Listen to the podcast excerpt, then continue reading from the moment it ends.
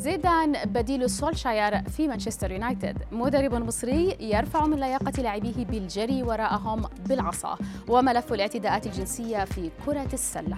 يفتح رسميا. إليكم أبرز أخبار الرياضة في الساعات الأربع والعشرين الماضية في دقيقتين على العربية بودكاست. نبدأ أخبارنا من الحملة التي دشنتها جماهير مانشستر يونايتد الإنجليزية الغاضبة عبر مواقع التواصل الاجتماعي تطالب فيها بإقالة مدربها سولشاير والتعاقد مع الفرنسي زين الدين زيدان الذي لا يرتبط حاليا بأي ناد منذ رحيله عن تدريب ريال مدريد الإسباني. تلك الحملة صاحبها بعض الجدل خاصة بعد انتشار صور لكريستيانو رونالدو يقوم بتوجيه تعليمات لبعض اللاعبين بعد مغادرته لمباراة يونغ بويز السويسري بدور الأبطال وتحت أعين سولشاير الذي لم يقم بأي ردة فعل تجاه الأمر بل قام هو الآخر بتوجيه لاعبيه.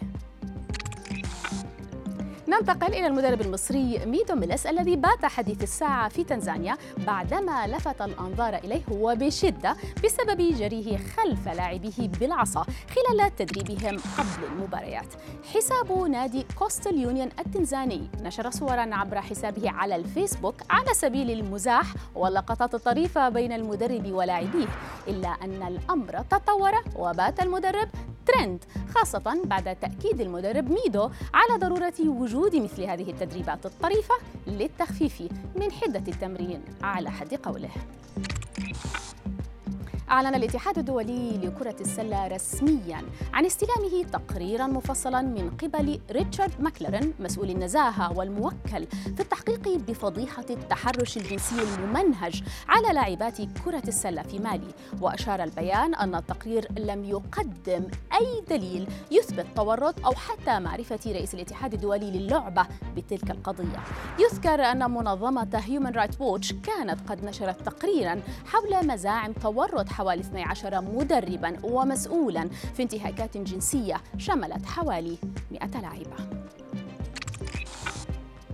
الختام مع نجم الفورمولا 1 لويس هاملتون الذي أثار بلبلة عبر ال social media بعدما انتشرت أنباء عن وجود علاقة تجمعه مع عارضة الأزياء المثيرة للجدل جانيت جوزمان. فبحسب الأنباء المنشورة فإن هاملتون عاد إلى فندقه في نيويورك برفقة جانيت بعد الانتهاء من المشاركة بحفل المت غالا السنوي للموضة الذي أقيم يوم الاثنين الماضي. وما زاد الأمر إثارة وجدل الصورة التي نشرتها عارضة الأزياء عبر حسابها على الانستغرام في الفندق. معلقة عليها. Till next time. إلى أن نلتقي مجدداً.